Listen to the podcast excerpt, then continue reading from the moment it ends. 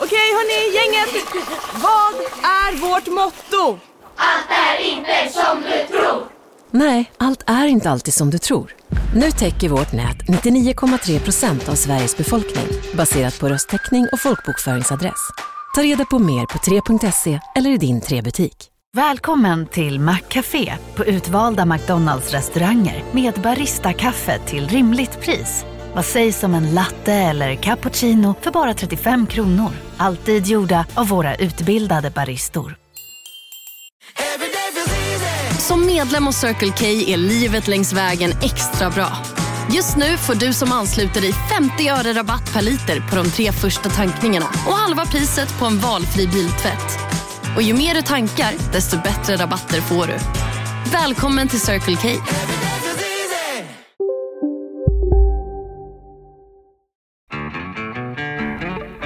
Lördagsgodis med Elving och Ringart.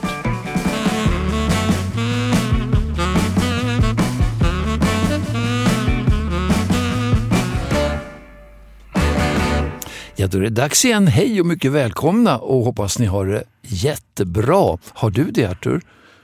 Ja, det tycker jag att jag har, med ett undantag. Jag var ute och spelade golf igår och jag var så uselt dålig, pinsam, så att jag skäms fortfarande. Var det en nyhet? Ja, det... nu var du rolig. ja, ibland går det bra, eh, fast eh, oftast går det dåligt. Man undrar varför håller man på med det där igen? Ja, varför håller du på med det? Du med din dåliga höft. Ja, nej, men jag gör det därför att eh, ibland när det går bra så tycker man att nu har jag hittat lösningen på det här. Och sen så när du spelar golf då har du inte tid att tänka på annat utan du får uteslutande koncentrera dig på det du håller på med. Och så går du med några du känner och så snackar man med varandra och så är det det som gäller just då. Det finns inte utrymme för andra problem eller andra lösningar eller annat man ska göra utan det är uteslutande golfen som gäller. Men just nu så tycker jag att man kan ägna sig åt annat. Jag trodde, säger alla golfare, att man tänker stora viktiga tankar när man spelar, att man sluter affärsuppgörelser och att man gör så väldigt mycket nytta på golfbanan. Men det är bara snack då alltså? Nej, men man gör det efter rundan. Efter rundan. Man brukar alltid tala om det 18 hålet är det sista. Men sen det 19 det äger rum i baren där man sitter och eh, dricker diverse alkoholhaltiga drycker och lite annat. Och talar om rundan men man talar om annat också. Då kan det göras men, det, men vänta, Kan man inte gå direkt till baren? Måste man spela golf först? Ja, du skulle kunna göra det. Jag vet att jag försökte få dig att börja spela golf en gång för länge sedan. Eh, och du kom, det var en lektion som jag hade bokat. Du kom tio minuter in på lektionstiden och du stack tio minuter innan lektionstiden var klar. Måttligt intresserad av golf kan jag säga. Ja, och ännu mindre intresserad efter det för jag träffar väl aldrig bollen nästan. Det, det är svårare ja, än man lite, tror. Du har lite bollkänsla, bollsinne i det. Det har jag sett när vi har spelat med tv-laget. Då träffar du bollen så att jag tror definitivt du skulle kunna ha en framtid som golfspelare. Ja, jo, framtiden är ljus. Nu ska vi lämna det ämnet och eh, säga mycket välkommen till vår gäst i studion, Edvard Blom. Tack så hemskt mycket. Jag skulle vilja säga du är gastronom, mathistoriker och författare. Är det i nämnd ordning? Ja, det kan vi säga. Absolut. Viktighetsordning. Jag gör så mycket olika saker, men det är ungefär ja. där det ligger. Jag håller ju på mycket med att skriva och berätta saker och ofta om mat och dryck och historia och sådana saker. Välkänd och karismatisk profil verkligen, som kan bli arg ibland också. Ja, jo, men det händer. Eh, första åren av, av min, min, mer offentliga karriär, då, då, fick jag ofta frågan, är du alltid glad? Eh, för jag gav nog ett sånt intryck alltid när kameran var på. Jag har ju något sånt där att när, när kameran sätts på så blir man väldigt sådär skiner och känner sig uppmärksammad. Är du, är du lite, lite linslus? Jo, men jag är lite linslus. Det har alltid varit. Det är väl det som gjorde att jag råkade hamna in på det här med tv trots att jag egentligen inte hade haft några ingångar tidigare under livet eller liksom strävat dit riktigt. Men att det, det klickar till när, när en kamera sätts på. Men, var, men var med tiden... Det? Jag tänker bara, var det det som fick dig att ställa upp i Melodifestivalen? Ja, det vet jag faktiskt inte. Då kanske jag bara gjorde det för att jag redan allting hade rullat på så mycket att det inte kändes naturligt att säga nej till någonting. Liksom. Det är ju lite galet för att jag, jag hade inte tänkt en sån karriär och man får inte betalt för det och det är en otrolig massa jobb och en otrolig nervansträngning. Eh, men det var väl en för stor sak för att kunna tacka nej till. Ibland kan det vara så i livet, någonting som är för otroligt och som man uppenbart inte kommer få chansen till igen, så, så är det roligare att säga ja ändå än, än, än att tänka logiskt mm. att vad ska jag göra det här för? Ordet ja är alltid bättre än ordet nej, tycker jag. Det har jag sagt genom livet och det brukar funka rätt bra. Men du är alltså inte alltid glad och du var inte alls glad. Du var rasande för, vad kan det vara, någon dryg vecka sedan eller lite mer när de nya folkhälsorekommendationerna kom. Framförallt då vad gäller alkohol. Att man skulle få dricka, var det fyra glas öl i månaden? Nej, det var nog Annars lite skulle man få vård. Man, man, man, man fick högst dricka tio glas i veckan. Men man fick aldrig dricka mer än högst fyra små öl vid ett och samma tillfälle. För då skulle man erbjudas just det, vård. Mm. Rasande var jag inte alls, men jag tyckte det var oerhört löjligt. De här Nordiska rådets rekommendationer hade ju redan kommit och där hade de ju redan sagt att inget bruk av alkohol är riskfritt. Så de satte i princip noll. Men å andra sidan, då blir det ju inte någon råd alls. Då handlar det ju bara om, ja, men det här är inte riskfritt. Livet är inte heller riskfritt. Sen läste jag eh, helt andra råd eh, i samband med att den här debatten blossade upp. Att man som storvuxen kar över 50 år kunde dricka, var det, då var det 8-10 glas i veckan. Mm. Det är väldigt olika vem man är. Eh, det är olika och det, här väger de ju inte in det. Utan här har de kommit fram till numera att män och kvinnor ska ha samma råd. Men också oavsett eh, vikt som sagt och ålder. Och det finns ju väldigt mycket som tyder på att mindre mängder vin i alla fall är, är snarare nyttigt för äldre. Medan det kanske inte är, är, så nyttigt för yngre eller i alla fall inte genom positiv påverkan. Och alltså det som är fel med de här råden, dels är det ju flera som har hävdat, det har ju skrivits av flera överläkare och, och experter, att, att det inte stämmer att det här inte bygger på forskning. Att forskningen eh, inte är egentligen har med orsak och verkan att göra utan att det är en ganska luddig forskning som, som ligger till grund. Eh, det är ju det ena. Men det andra är att det blir ju det blir helt onyttigt med råd som ligger för långt från verkligheten. Och det är väldigt fånigt att dra in det här begreppet riskbruk redan efter fyra små öl. För att det som, ja okej, okay, om de hade sagt även mycket extremt måttligt nyttjande av alkohol ökar cancerrisken lite grann. Precis som rött kött gör, som pommes frites och chips gör, som det gör om man använder plastbestick i varma grytor, som det gör att om man har leksaker kvar från 60-talet som barnen andas in luft från. Det finns mycket som eh, är farligt för cancer och det är ju bra att ha i bakhuvudet. Liksom. Det finns massa saker man kan tänka på. Eh, men om de hade sagt det, men det här att man ska erbjudas hjälp om man dricker alltså, fyra små öl. Jag vet inte, nu är jag ganska stor, men jag blir ju inte ens berusad på fyra små öl och, och det är väl ändå det man vill. Det går ju inte att genomföra en traditionell middag med, med ett artig entrédrink, ett litet förrättsvin, två glas eh, till, till varmrätten, ett litet dessert och sen, sen en avec efteråt. Inte ens det som man skulle säga mycket måttliga intaget mm. eh, till oss. Så det vore ju mer intressant om de satte gränserna. Här börjar det bli riktigt farligt, risk för, för alkoholberoende. Eller, för, förr i tiden brukade det stå, dricker du så här mycket så, så kanske du är alkoholist. Och det, det tror jag skrämde folk lite grann. Då tror jag folk tog sig en vit månad och sen började de kanske skärpa till sig. Men det, det här känns ju bara larvigt, moraliserande. Risken är väl också att man tappar förtroendet för myndigheter och, eh, och, och vetenskap. Ja, när, man skrattar åt det istället ja. när det blir för långt från Arthur, är, är, det ett, är det ett vårdfall? Nej, men jag tänker så här för att ett antal år sedan, vi som har några år på nacken, mm. minns ju att Socialstyrelsen gick ut och rekommenderade 6 till 8 brödskivor om dagen. Mm. Eh, och eh, vad det blev av det vet jag inte, men man skulle äta mer bröd för det var nyttigt. Mm. Eh, och det var, kan det ha varit 20-30 år sedan de sa det. Mm. Jag var med i den kampanjen så, så jag minns den mycket väl faktiskt. Och jag åt bröd som bara den. Fick du betalt åtminstone? Eller var det... Ja, jag fick någon slant. Ja, det var ju bra. Så du inte så... bara trodde det var en god gärning. Fick några limpor också kanske. Nej, men den, det där, idag lyder väl brödrekommendationerna inte alls på det sättet.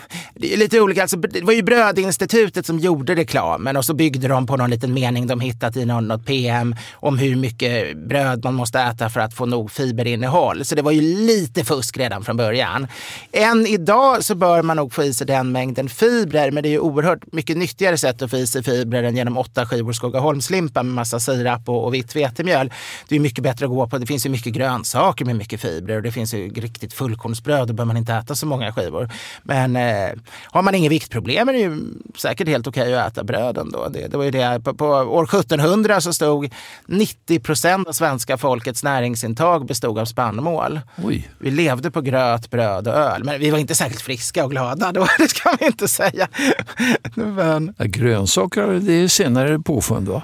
Ja, alltså det fanns lite ärtor, lite rovor, lite kål. Mm. Men grönsaker åt man väldigt lite. Lika lite som man åt kött och fisk. Kött, fisk och grönsaker var, var lite grann toppingen på den gla, glada, fina lyxmaten. Det, det, det är därför man åt ärt, ärtor med fläsk på torsdagar. För det var, om man går ännu längre tillbaka alltså till katolsk tid så var det ju fastedagar på både, både onsdagen och fredagen. Och då ville man ha det allra lyxigaste maten på torsdagen.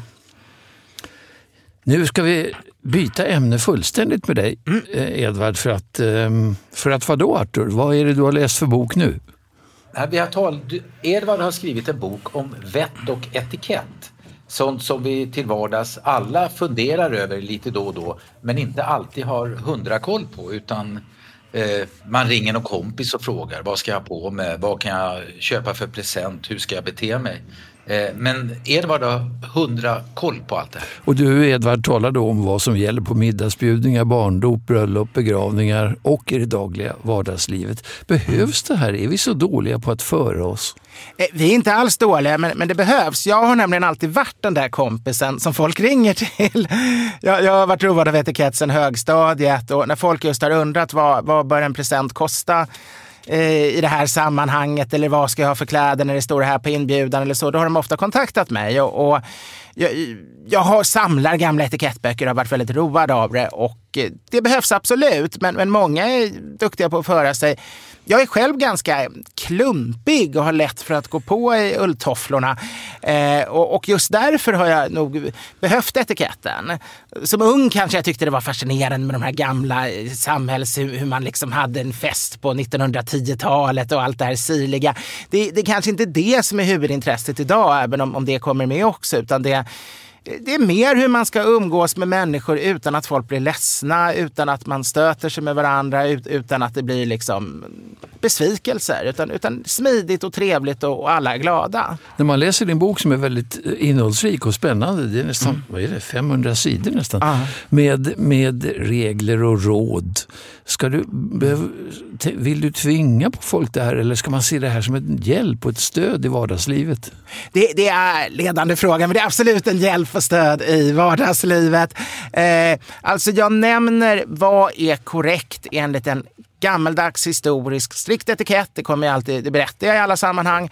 Men jag har också många utvecklingar om hur man själv får välja när man vill använda etikett, när man tycker det är bra, när man inte tycker det, när man vill göra undantag. Och, och man kan väl säga det, etikett där andra blir lidande om man inte följer det. Det bör man ju inte låta bli. Man bör ju alltid tänka eh, på att andra inte ska, ska, ska skadas av någonting. Men, men däremot sånt som mer handlar om att ja, det inte är så viktigt, det är bara så man brukar göra. Då, då kan man ju mer välja. Tycker man det är roligt att se ut som alla andra på en fest eller tycker man det är roligt att vika av lite grann. Samtidigt ska man säga att om, om världen och värdparet har jobbat och förberett en fest väldigt länge och de tycker det är viktigt att alla går i samma klädsel, då är det ju ändå lite att någon annan drabbas. Men, men om man går ut på, på krogen och, och bryter mot etiketten i sin klädsel, ja då är det ju verkligen bara, det är ingen annan som drabbas. Så det är ju ingen fara. Liksom. Boken är ju väldigt roligt skriven och innehållsrik. Edvard Bloms etikettbok heter den och du ger en massa exempel på att du faktiskt har, som du sa i Klumpig då, har gjort bort dig själv åtskilliga gånger. I sociala Det, det stämmer, jo livet. men absolut. Jag har ju både, jag skriver det redan i förordet, att, att, att eh, det, det är ju både så att man av okunnighet eller för att man är en klumpig person eller en del gånger för att man, man inte visar tillräckligt hänsyn utan varit egoistisk. Berätta, Alla berätta några exempel på när du gjort bort dig. Ja, men till exempel en, en som jag skriver där i, i inledningen då, så var, var det ett fall när jag var 18 år och eh, kom på genomresa genom Bryssel och fick uppdukat en så här fantastisk eh, skaldjursbuffé, ute, eller, eller skaldjursplatå eh, ute på en uteservering i Bryssel. Och eh, jag hade ju inte, jag hade börjat gå på restauranger, ja, jag gick på ställen i Stockholm och tog en öl, kanske hade eh, ätit Biff Rydberg på Prinsen en del gånger, men, men, men, men jag hade ju inte riktigt erfarenhet av eleganta restauranger i Europa, ännu nere på kontinenten. Och så får jag in alla de här skaldjuren och alla de här verktygen och tillbehören och blir ju lite ställd, vilket jag sen nog aldrig har blivit för jag känner mig väldigt hemma i restaurangmiljö annars. Men, men då var jag ändå så pass ung så det blev lite mycket allting. Jag fick just den här känslan som många kanske har första gången när de kommer till en mm. lite väl lyxig miljö, att man inte vet hur man ska hantera det. Men var det då du försökte dricka det du trodde var citr citronsoppa? Det stämmer bra, för då såg jag, då tänkte jag men man ska väl börja med soppan och så fanns det en liten klar konsumé som doftade citron som visserligen inte hade någon sked bredvid sig men jag tänkte de hade missat det så jag började sträcka mig mot en sked som ligger en bit på andra sidan tallriken och, och har väl sneglat på soppan. Och det roliga är att jag lyckas, alltså det här är ju det pinsammaste man kan göra för det här är alltså tvättfatet man ska tvätta händerna i efter man har hållit i skaldjuren. Och jag hade ju blivit stort utskrattad. Men då dyker det upp innan jag ens hinner komma, komma med skeden så att folk hinner se det här. Så är det en otroligt uppmärksam svensk som, som bor i Bryssel som har glidit upp på min sida och avbryter mitt förfarande genom att approchera mig och börja prata om alls ingenting, lite sådär om jag trivs i Bryssel. Han säger att han själv är där och arbetar. Och, och, och sen så säger han, ja, såg du den där filmen med Goldie Hawn där hon råkade dricka ur tvätt, skölj, sköljeskålen och trodde det var soppa. Och så skrattade vi lite grann åt det. Och, och det, det, tar jag upp som ett exempel för det är ett så otroligt snyggt sätt att rätta någon. Mm. Ingen han se att jag begått felet. Han upptäckte det i förtid och han sa inte åt mig du håller på att göra fel utan lyckades leda in det så jag fick reda på att jag inte skulle dricka av det där utan tvätta händerna i den utan någon som helst tillsägelse. För det är väl verkligen ett etikettsbrott också att rätta någon på ett klumpigt sätt? Ja, det, det, är ju jättesvårt det där att man, man måste ju vara oerhört, det är det svåraste av allt inom etiketten, hur man ska se till att andra efterlever etiketten utan att begå ett värre brott. Artur, du, du vill nu äntligen vet jag lära dig hur man för sig och nu kan du ställa frågor till Edvard om det. Men, men jag tänkte berätta eh, utifrån det här med soppa och tvätta händerna. Eh, under OS i Seoul 1988 var jag och en kollega, Jan Svanlund, mm. ute på restaurang och åt. Eh, och då åt vi och sen fick vi någon genomskinlig soppa. Eh, och Janne trodde det du missade eh, Edvard, att ja. man skulle tvätta händerna i det. Vilket han gjorde, men då tvättade han händerna i en soppa. Så personalen brann ut i köket och folk runt omkring oss började skratta och Janne var helt oförstående. Då fick jag, du, jag tror det där soppan, vi ska nog käka den. Jag tror inte du ska tvätta det. Där blev det tvärt, tvärtom där. Precis tvärtom. Otroligt roligt. Ja, det, det, så fort man lämnar sin mammas gata så är, ju, är, ju, är det ju livsfarligt med etikett. Inom Europa är ju ändå etiketten hyfsat lika, men när man kommer till Asien eller så, då, då kan det ju vara helt andra principer som gäller. Då får man läsa på innan man reser ut i världen. Ja, och vara väldigt ödmjuk och lite nedtonad och tystlåten kanske. Mm, ligga lågt, ja. Det, det har ju hänt en del eh, under åren här. Förr i tiden skulle man ha fluga eller slips på sig eh, när man var ute på restaurang eller när man var i andra mer officiella sammanhang. Men det behöver man inte längre. Det räcker med en uppknäppt skjorta i halsen, eller? Ja, frågan är vad etiketten säger och vad som är sedvänjor. Etikett är ju lite sådär, det är som språkvård. Ska den bara vara deskriptiv eller ska den vara normativ? Och, och, den normativa eh, klassiska etiketten skulle väl fortfarande tycka att om man klär upp sig så ska man ha någonting, någon form av halskrage, liksom, någon, någon slips eller, eller fluga eller askot eller något. Men, men eh, om man ser hur det är idag vid, vid de internationella businessföretagen, då, då, då går ju folk, går, går man ner till Stureplan i mörk kostym, kostym, vit skjorta och uppknäpp. Det har ju blivit den nya affärslooken. Men kanske just därför kan jag tycka att om man går, eh, sen går på, frå, direkt frå, från jobbet och, och ska bort på en middag eller fest, då kanske man ska knyta på sig en slips just för att visa att det inte bara är arbetsklädsel utan man vill vara lite extra vacker. Och det har ju tyvärr sjunkit väldigt manlig klädsel har gått ner extremt mycket de senaste årtiondena. Så idag när ett par går ut kan ofta kvinnan se ut som hon är uppklädd till, till, till tänderna med, medan mannen ser ut som om han eh, just reparerat hennes bil. Och, och, och, det blir ju väldigt eh, konstigt att man inte försöker hamna på någon liknande stilnivå kan jag tycka. Eh, en annan fråga, vad säger du om sådana som talar högt i mobiltelefonen på tåg, tunnelbana eller buss? Eh, så att hela bussen hör vad det är för någonting man säger. Ja, det, det, är ju oerhört störande. Och där tror jag vi har glömt, om man läser gamla etikettböcker så, så är det något som faller mig in att den delen, hur man beter sig i offentligheten, den, den är nästan bortglömd. Det, det, är samma sak som att man inte ska, om man träffar någon kompis på trottoaren kan man inte bara stanna och ta, ta upp plats så att folk måste väja ut på gatan, utan då får man gå, gå undan lite grann. Man kan inte bära för stora saker eller springa med en senapsfylld korv korv så man krockar med folk.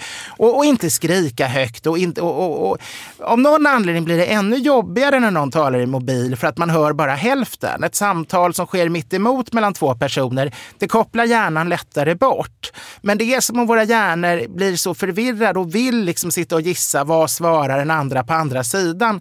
Vilket gör att det blir ännu mer irriterande med, med någon som talar i mobil än någon som tal, talar verkligt. Hej, Susanne Axel här. När du gör som jag och listar dig på en av Krys vårdcentraler får du en fast läkarkontakt som kan din sjukdomshistoria. Du får träffa erfarna specialister, tillgång till lättakuten och så kan du chatta med vårdpersonalen. Så gör ditt viktigaste val idag, lista dig hos Kry. Hej, Synoptik här. Livet med glasögon ska vara bekymmersfritt. Därför får du 30% på alla glasögon när du väljer Synoptik All Inclusive. All service ingår alltid. Välkommen till Synoptik. Big Mac har miljarder fans över hela världen. Under mer än 50 år har den skapat popkulturell historia. En legend med 100% nötkött och den mytomspunna såsen. Nu finns Big Mac för bara 39 kronor på McDonalds. Många av de här råden du ger är ju, ja det är ju själv, eller borde vara självklarheter, men, men det är det förstås inte för andra. Medan en del andra kanske inte behöver tillämpas lika strikt. Jag tänker på de här gamla grejerna som du skriver om att man ska hålla på en fest när man skålar ska man hålla vinglaset vid tredje knappen uppifrån, om man nu har knappar eh, framför sig när man skålar. Det, och man får inte ha rött på bröllop och sådär. Ja, det, är sånt jag skriver, det, det, är sånt jag skriver att inte gäller. Precis. Det, inte, det är inte sånt jag säger att gäller, utan det är sånt som... Och de flesta av de här har aldrig gällt. Så det här är såna här myter. Tredje knappen har gällt. Några regementen har haft det som princip när de har burit sin festuniform. Men knappar sitter ju ganska olika på gamla 1800-talsuniformer och, och på dagens skjortor. Så, så den regeln, men jag vet många, eh, jag har vänner som blivit itutat det som barn. Men, men det finns ju ingenting så förläget och stelt som någon som försöker skåla och samtidigt tittar ner på sin skjorta och stelt försöker anpassa glaset till rätt höjd. Eh, skåla är ju ett möte där man ska se varandra i ögonen och se lycklig ut. Liksom. Och, och, det är det viktigaste. Sen ska man naturligtvis inte ha glaset för ansiktet så man inte ser varandra. Men jag, jag har aldrig sett någon som råkar göra det misstaget heller. Det, det. Och rött på bröllop, ja, det är en sån här konstig myt som, som, som mm. kommer någonstans utomlands ifrån. Som, som, den gäller egentligen ingenstans. Eh, men däremot så ska man undvika att stjäla showen. Så kommer man i en knallröd klänning kan risken vara att man blir ännu mer i ögonfallande än bruden. Mm. Så den lilla kornet av sanning finns. Men det finns inget annat. Det är inte symbol för någon, någon promiskuös historia som en del vill göra gällande. Innan vi avslutar här, ska, Arthur, har du någon mer fråga innan jag tänkte be Edvard om en sak? Jag har två frågor. Dels eh, om jag är bjuden på middag klockan 19.00, ska jag komma till middagen 19.00 eller ska jag komma 18.59 eller 19.05? Ja, det där är intressant. Till mig får du aldrig komma för tidigt, det vet du. Det Nej. tycker jag är värre än att komma för sent. Historiskt, när man fortfarande, när man, alltså när borgerligheten hade tjänstefolk, då var principen att man skulle droppa in under en kvart, 20 minuter före. Så att när klockan slog prick, då stod redan alla gästerna i något mottagningsrum, något, något förmak och då öppnades dörrarna till matsalen och man kunde gå in. Men, men idag är det ju så att det, det är ju värden och värdinnan själva som måste laga all mat och springa fram och tillbaka. Så idag är det ju fruktansvärt jobbigt om någon kommer för tidigt. I de flesta ställen, i Stockholm till exempel, så gäller att man får, det bästa är att komma nästan 5-10 minuter sent inom en akademisk kvart. Och det är inte ens en katastrof att komma 20 över, men sen börjar det bli lite, då börjar man ringa och förvarna. Men det finns få platser, det finns en del små platser på landet, enstaka eh, små orter i Sverige, där man fortfarande har kvar den gamla principen att man ska komma kvarten innan så att man kan börja äta prick. Så om man flyttar eller bjuds in till någon som bor långt från en storstad så kan det vara idé att stämma av vad är sedvänjan just på den här platsen. Artur, du är väl lite tidsfascist? Ja, jag är tidsfascist. Är det 19 så är det 19. Men nu förstår jag att det är 19.05 eller 19.10. Ja. En fråga till Edvard. Eh, jag har tittat på nätet och där har jag sett i en inspelning som är, jag tror ganska gammal, men där du rekommenderar bakfylleost att man ska äta ost på något speciellt sätt om man har ont i huvudet en dag efter festligheter? Ja, det här, alltså jag spelade in det, det är väl en åtta år sedan och det handlar egentligen inte om min tid då utan det är en iscensättning av hur det kunde se ut när jag var en betydligt yngre student och rullade hatt lite, lite mer aktivt eller hårdare än idag så att den blev ännu mer bucklig. Eh, och, och då fann jag det där, folk försöker ju alltid tröstäta dagen efter eller tröstäta. Alltså man, man, grejen är att vissa typer av mat utlöser ju endorfiner i kroppen. Mycket fett och socker, snabba kolhydrater. Det är därför folk äter pizza. Och då försöker man ju hitta olika eh, sätt att få det där. För att då känner man sig väldigt mycket bättre under i alla fall någon timme. För, för att kroppen skickar ut de här lust och glädjehormonen. Och, och jag kom fram till att det bästa som fanns var att ta en bit ost ur kylen, smälta den i mikron och så stänka i lite gammalt vitt vin eller lite konjak eller något så att man fick en spontan ostfondy och äta upp det. Jag åt ju aldrig ett halvkilo som det ser ut i den här filmen utan det kanske var 75 eller 100 gram eller allra, allra högst vid två tillfällen 50 gånger 50. Men det funkar? Det funkar skulle jag säga. Men, men, men vissa människor tycker glass eller choklad är bättre. Det beror lite grann på vad deras kroppar premierar. Men det, det, är ju inte nyttigt för det är ofta det där man får i sig för mycket av ändå, just det som kroppen... Det här är ett kul ämne. Vi tänkte be att få avsluta med att om du vill berätta något mer tillfälle där du har gjort, kanske inte skandal, men ändå gjort fel. Ja, men till exempel det finns många, dels i drucket tillstånd kan vi hoppa över för då har man ju gjort alla möjliga saker även om eh, jag aldrig blivit aggressiv eller så. Det finns naturligtvis gränser för ens beteende även hur, hur berusad man än är. Men, men däremot, jag, jag var ganska bullrig och, och, tog mycket plats när, när jag var yngre. Eh, som vid kaffebordet på, på ett arbetsplats eller så, att man hade intressanta diskussioner. Det var jätteroligt men där borde jag ha varit bättre på att ibland låta även de lite mer lågmälda personerna få, få prata och, och höra göra? Vill alla alltid prata om det här? Är det alltid jag som ska vara i mitten? Och jag tyckte jag var så rolig och kul person. Det tyckte många, men, men inte alla. Och de som inte tyckte det hade det ju kanske inte så roligt alltid då. Och mig, mig där hela tiden i centrum. Vi har haft roligt i alla fall och jag tycker, och lyssnarna med hoppas jag. Vi, vi tackar dig så väldigt mycket. Det var spännande att få delar ur Edvard Bloms etikettbok penetrera det här. Lycka till med allting annat i fortsättningen. Vad är det som väntar för roligt? Jo, det är väl allt möjligt. Nu ska jag hem och spela in först lite videohälsningar. Det ligger alltid ett gäng man måste hinna göra på fredagskvällen. Och sen har vi fredagsmys med familjen.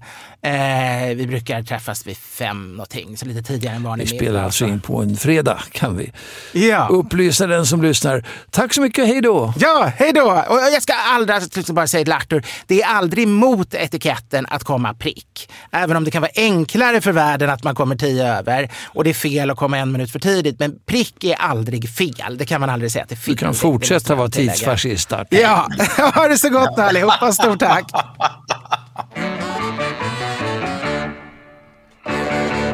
Ja, där fick man lära sig en del, Artur. Ja, att man får komma i tid och det är inte farligt. Så jag kan komma prick 19.00 eh, och det är ändå rätt enligt vett Ja, men hellre 10 över. Kan vi inte fortsätta med det? Ja, okej okay då, om det ska vara så tjatigt. Bara i schysst käk och det är det ju alltid hos dig, så det är lugnt. Nu ska vi ha en annan gäst som ska tala om lite olika saker faktiskt, men de hänger ihop. Eh, du hörde det där om NK. NK varuhuset NK i Göteborg och Stockholm slutar med kontanter ganska snart. Ja, de slog sig för bröstet och sa att nu bidrar vi till att bekämpa gängkriminaliteten genom att förbjuda kontanter i våra butiker. För de sa att gängkriminella som har utfört olika former av brott, som har fått cash i handen, de går till NKs butiker och köper eh, kläder som är sådana här dyra varumärken och nu ska de sätta stopp för det. Ja, de tvättar alltså svarta pengar på det sättet.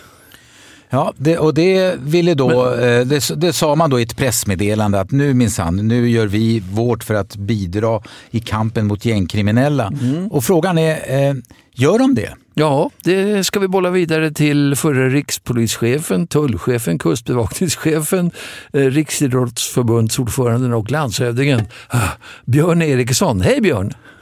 Hejsan hejsan! Ja, det där var bara en del av din meritlista, men den räcker långt.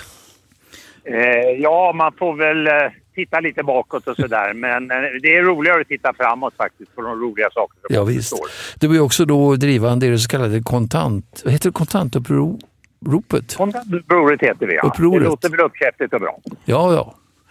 Eh, vad säger du Björn? Eh, det som NK nu säger att de ska göra, är det bra? Eh, eller eh, bidrar de till kampen mot gängkriminalitet genom att göra på det här sättet?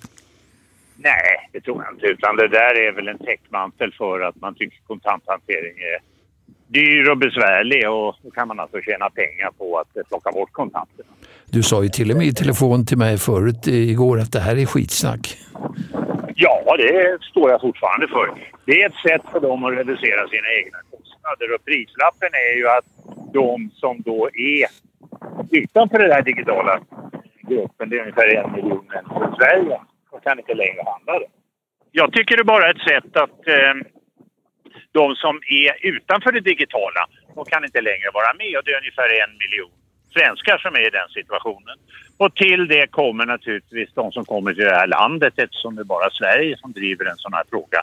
De kan inte heller handla om de kommer från Tyskland och England och andra. Så jag tycker att det är, eh, det är inte alls ett ideellt beslut utan det är ett ganska skulle jag vilja säga, enfaldigt beslut. Men då borde ju NK skjuta sig i foten här. Då mister de många kunder, både utlänningar och den miljon som inte har kort och, och, och de kriminella. Ja, och eh, det innebär ju å andra sidan då att de slipper hålla på att hantera kontanter för det, tycker de är dyrt eh, på olika sätt och vis. Och eftersom vi egentligen, möjligen ihop med eh, vad heter det, Norge är det enda land som försöker ta död på kontanterna så är det ju vi som avviker totalt från skeendet ute i Europa. Mm. Men det pratar man inte så mycket om. Nej, nej, men jag ligger inte lite i det i alla fall. Jag vill ju tro att det här kommer att göra det svårare för de som är gängkriminella att eh, visa att de verkligen har gjort något och få lite högre status i sina områden genom att gå omkring i märkeskläder för att de har begått ett brott och de har fått cash i handen som de kan använda sig av. Det tror jag inte alls, utan de gängkriminella de kommer att hitta former för att låta sig finansieras. Så det är bara att man läser tidningen. Det var bara några veckor sedan man redovisade hur man kan tvätta pengar via Spotify på ett ganska enkelt sätt. Eh, det är ganska enkelt att ta sig till Köpenhamn om man vill göra det. Det finns växelstationer på den illegala sidan som man kan använda. Så det är så fruktansvärt naivt att tro att det löser man genom att säga att man får inte handla på NK. Jag tror mer på att den gamla Marx teori, egenintresset ljuger aldrig. De kriminella utökar ju sina revir ganska ordentligt verkar det som. Vi hörde senast igår en nyhet om att eh, kriminella personer iklädda skottsäker väst rör sig runt träningsanläggningen vid, på Skytteholm där bland andra AIK-tränare, jag tror flera klubbar också. Och så erbjuder de, de försöker ragga upp barnen och erbjuda dem vissa tjänster. Att de skulle flytta ett paket, någon skulle få en massa pengar för att bära ett paket från punkt A till punkt B. Man kan ju förstå vad det möjligen innehöll. Det är det som är det otäcka, att man har hamnat i en situation att eh, vi gör och måste göra olika försök att arrestera fram en bättre situation, skärpa straff och allt möjligt annat. Men grejen är ju att i de här kretsarna så är ju den kriminella livsstilen någonting man tittar på. Och det här börjar när barn är 3, 4, 5 år. Så jag tror att det måste till helt andra tag när det gäller brottsförebyggande arbete. Det, det går inte att lösa det här genom att eh, eh, helt vara koncentrerad på att lösa mordfall. Det ni tar upp det är ett av tyvärr väldigt många exempel jag får höra från mina gamla kollegor. Mm. Vad säger du? Ty utvecklingen är ju oroväckande eh, och jag satt och snackade med några kompisar igår. Hur kommer Sverige att se ut om 20 år eh, om det här fortsätter? Eh, och det tycks ju inte gå att få stopp på det. Va? För jag minns före valet så talades det om att bara vi får makten här så ska vi se till att det blir stopp på gängkriminella. Men eh, det har gått ett år sedan valet och jag tror inte att det har hänt så himla mycket på den fronten i alla fall. Utan nyligen så var det ju några som sköts ihjäl och det är ett antal oskyldiga eller sådana som, alla är väl oskyldiga men några som inte var, skulle träffas av skott träffades och avled. När jag talar med gamla polisiära vänner som jobbar med det här så säger de det tar kanske 20 år. För du måste liksom börja från början med alla de här unga. Och då krävs det väldigt mycket av de här repressiva insatserna. Men det finns en tendens att vi helt har fastnat i varianten längre straff, lås in dem och så vidare. Men så länge alternativet framstår som attraktivt för unga som kanske har en väldigt stark känsla av hopplöshet i många utsatta områden, då räcker inte det. Va? Och där någonstans måste politiken förändras. Och eh, jag tror att vi kommer att se framför oss eh, helt andra förslag där kanske mycket har att göra med hur man bor, får man vara i landet om man tillhör ett skuggsamhälle och så vidare. Och så vidare. Det är där det kommer att hända saker. Jag hoppas och tror att eh, det här inte bara ses som en polisiär fråga utan det är faktiskt en samhällsfråga. Om, om vi talar om kontanter igen. Jag har precis erfarenheter för jag har varit utomlands, jag har varit i Tyskland eh, och där har de inte Swish. Eh, och där åkte jag taxi och ville betala med kort och taxichauffören blev besviken för han ville ha cash. Så mm. att eh, där har man en lite annan syn på det här med kort och kontanter. Totalt va? och det är så intressant att eh, mina så det motståndare i den här frågan i Sverige, de vägrar att prata med oss. Det ska tigas ihjäl. Men det kommer ena delegationen efter den andra från CNN och BBC och kinesisk tv allt vad de heter. Och de har ett budskap och en fråga de alla vill ställa till mig som på tyska går under beteckningen Die Dummer Schweden. Begriper inte svenskarna att det är vanvett att förlita sig på ett system som lämnar mängder av människor utanför som är lätt att stänga av och som inbjuder till kriminalitet. Så för mig är ju problemställningen att de representerar den normala normen. Det vi gör i Sverige representerar det onormala. Björn, får jag vara mer konkret? Vilka är det som vill tiga ihjäl det här då? Och varför? En väldigt tung drivande faktor i detta, det är bankerna. För vad det handlar om väldigt mycket, det är ju att det kostar pengar att hålla på med kontanter. Det har ju varit så sedan de gamla kungarnas tid. Om du däremot kan skapa monopol, skapa kortmonopol eh, i olika former och lassa över väldigt mycket på konsument och annat, då blir det ju billigare för dig som förmedlar. Så det är den gamla klassiska strävan efter ett fungerande monopol det väldigt mycket handlar om. Och det är inte kriminellt i sig, men vi andra får inte vara så blåögda så vi liksom inte ser det här bakom. Och det är därför jag med viss irritation noterar till exempel NK när de säger vi lämnar vårt bidrag. Ja, det stora bidraget är att de räknar med att reducera sin kostnadsmassa. Eh, jag tillhör ju dem, jag, jag, tycker som du, va? jag tycker att vi måste ha kvar kontanter och grundskälet till det är att vi kan inte eh, var hänvisade till ett system som faktiskt fallerar mellan varven. Det har ju hänt att man vill betala med kort eller att man vill swisha eller göra någonting annat då hela systemet ligger nere, att de inte fungerar. Men kontanter fungerar ju alltid. Och vad gör vi i en kris, om det blir krig i en krissituation då alla de här systemen slås ut? Ska vi börja med byteshandel då? Att man byter ett par skor mot en bit kött? Eller, eh, nej men, eh, vad är vi på väg då? Och cash funkar ju alltid. Det är väl det som är så intressant att i början kämpade vi ju väldigt mycket att tala om de utsatta grupperna.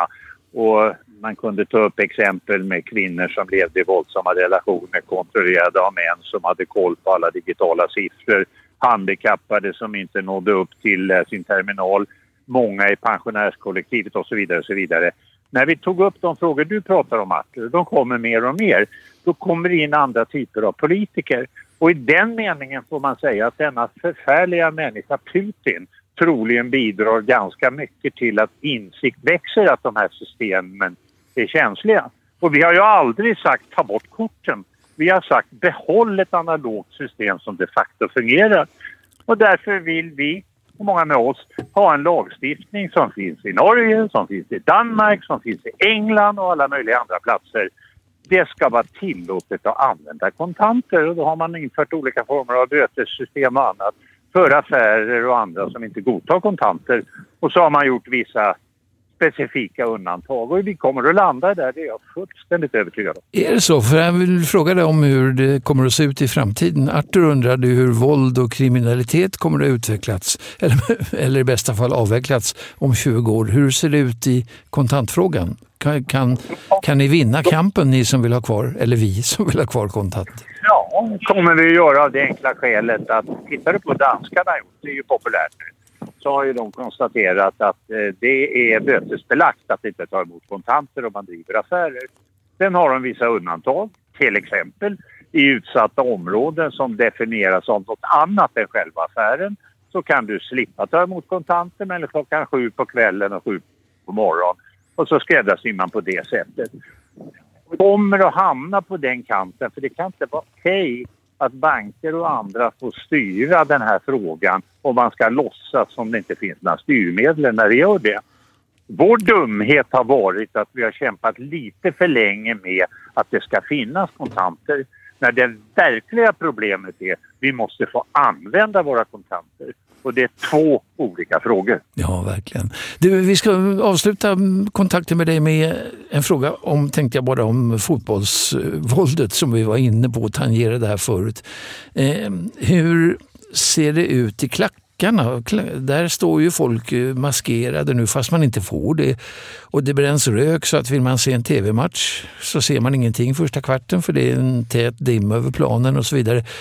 Hur stort inflytande har kriminella krafter i klackarna? Det är förstås mest vanliga tjejer och killar som står där, men, men i övrigt? De har fått för stort inflytande och jag tror tyvärr att vi går mot en ganska tragisk utveckling.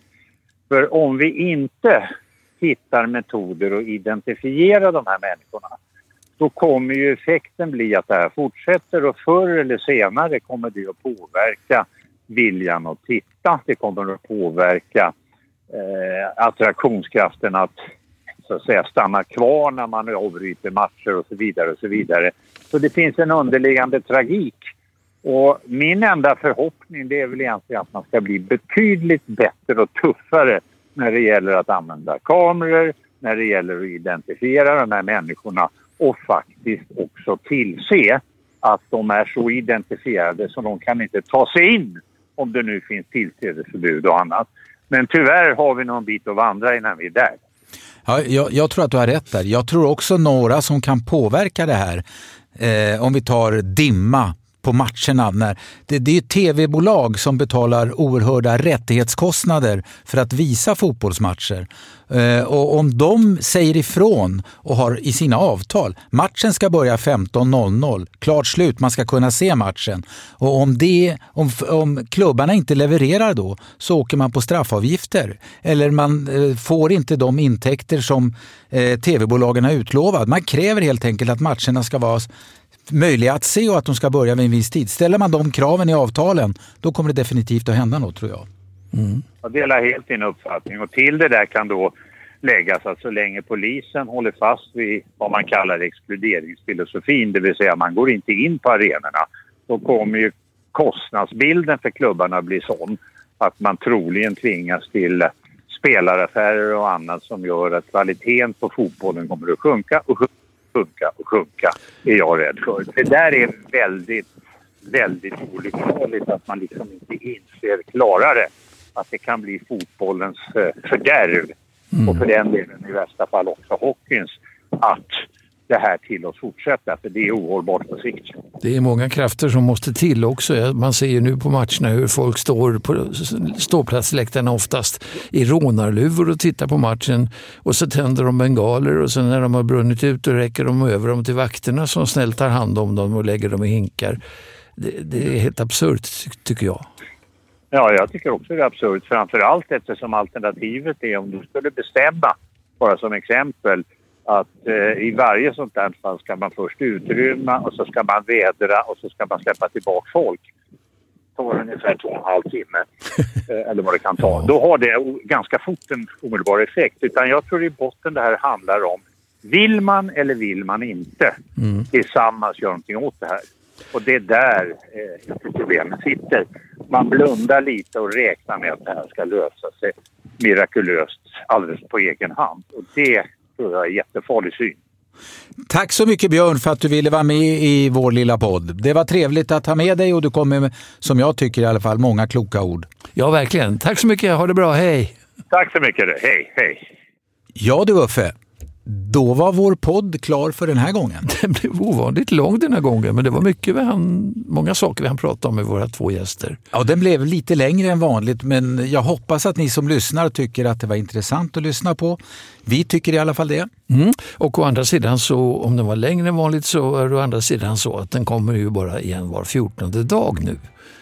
Så då är det mycket vi ska hinna med även nästa vecka, eller nästa Om 14, 14 dagar, dagar får det bli. Det är dags att lägga av nu. Ja, ja, nu ja. lägger vi av. Tack snälla. Ha det, ha det bra. bra. Hej, hej.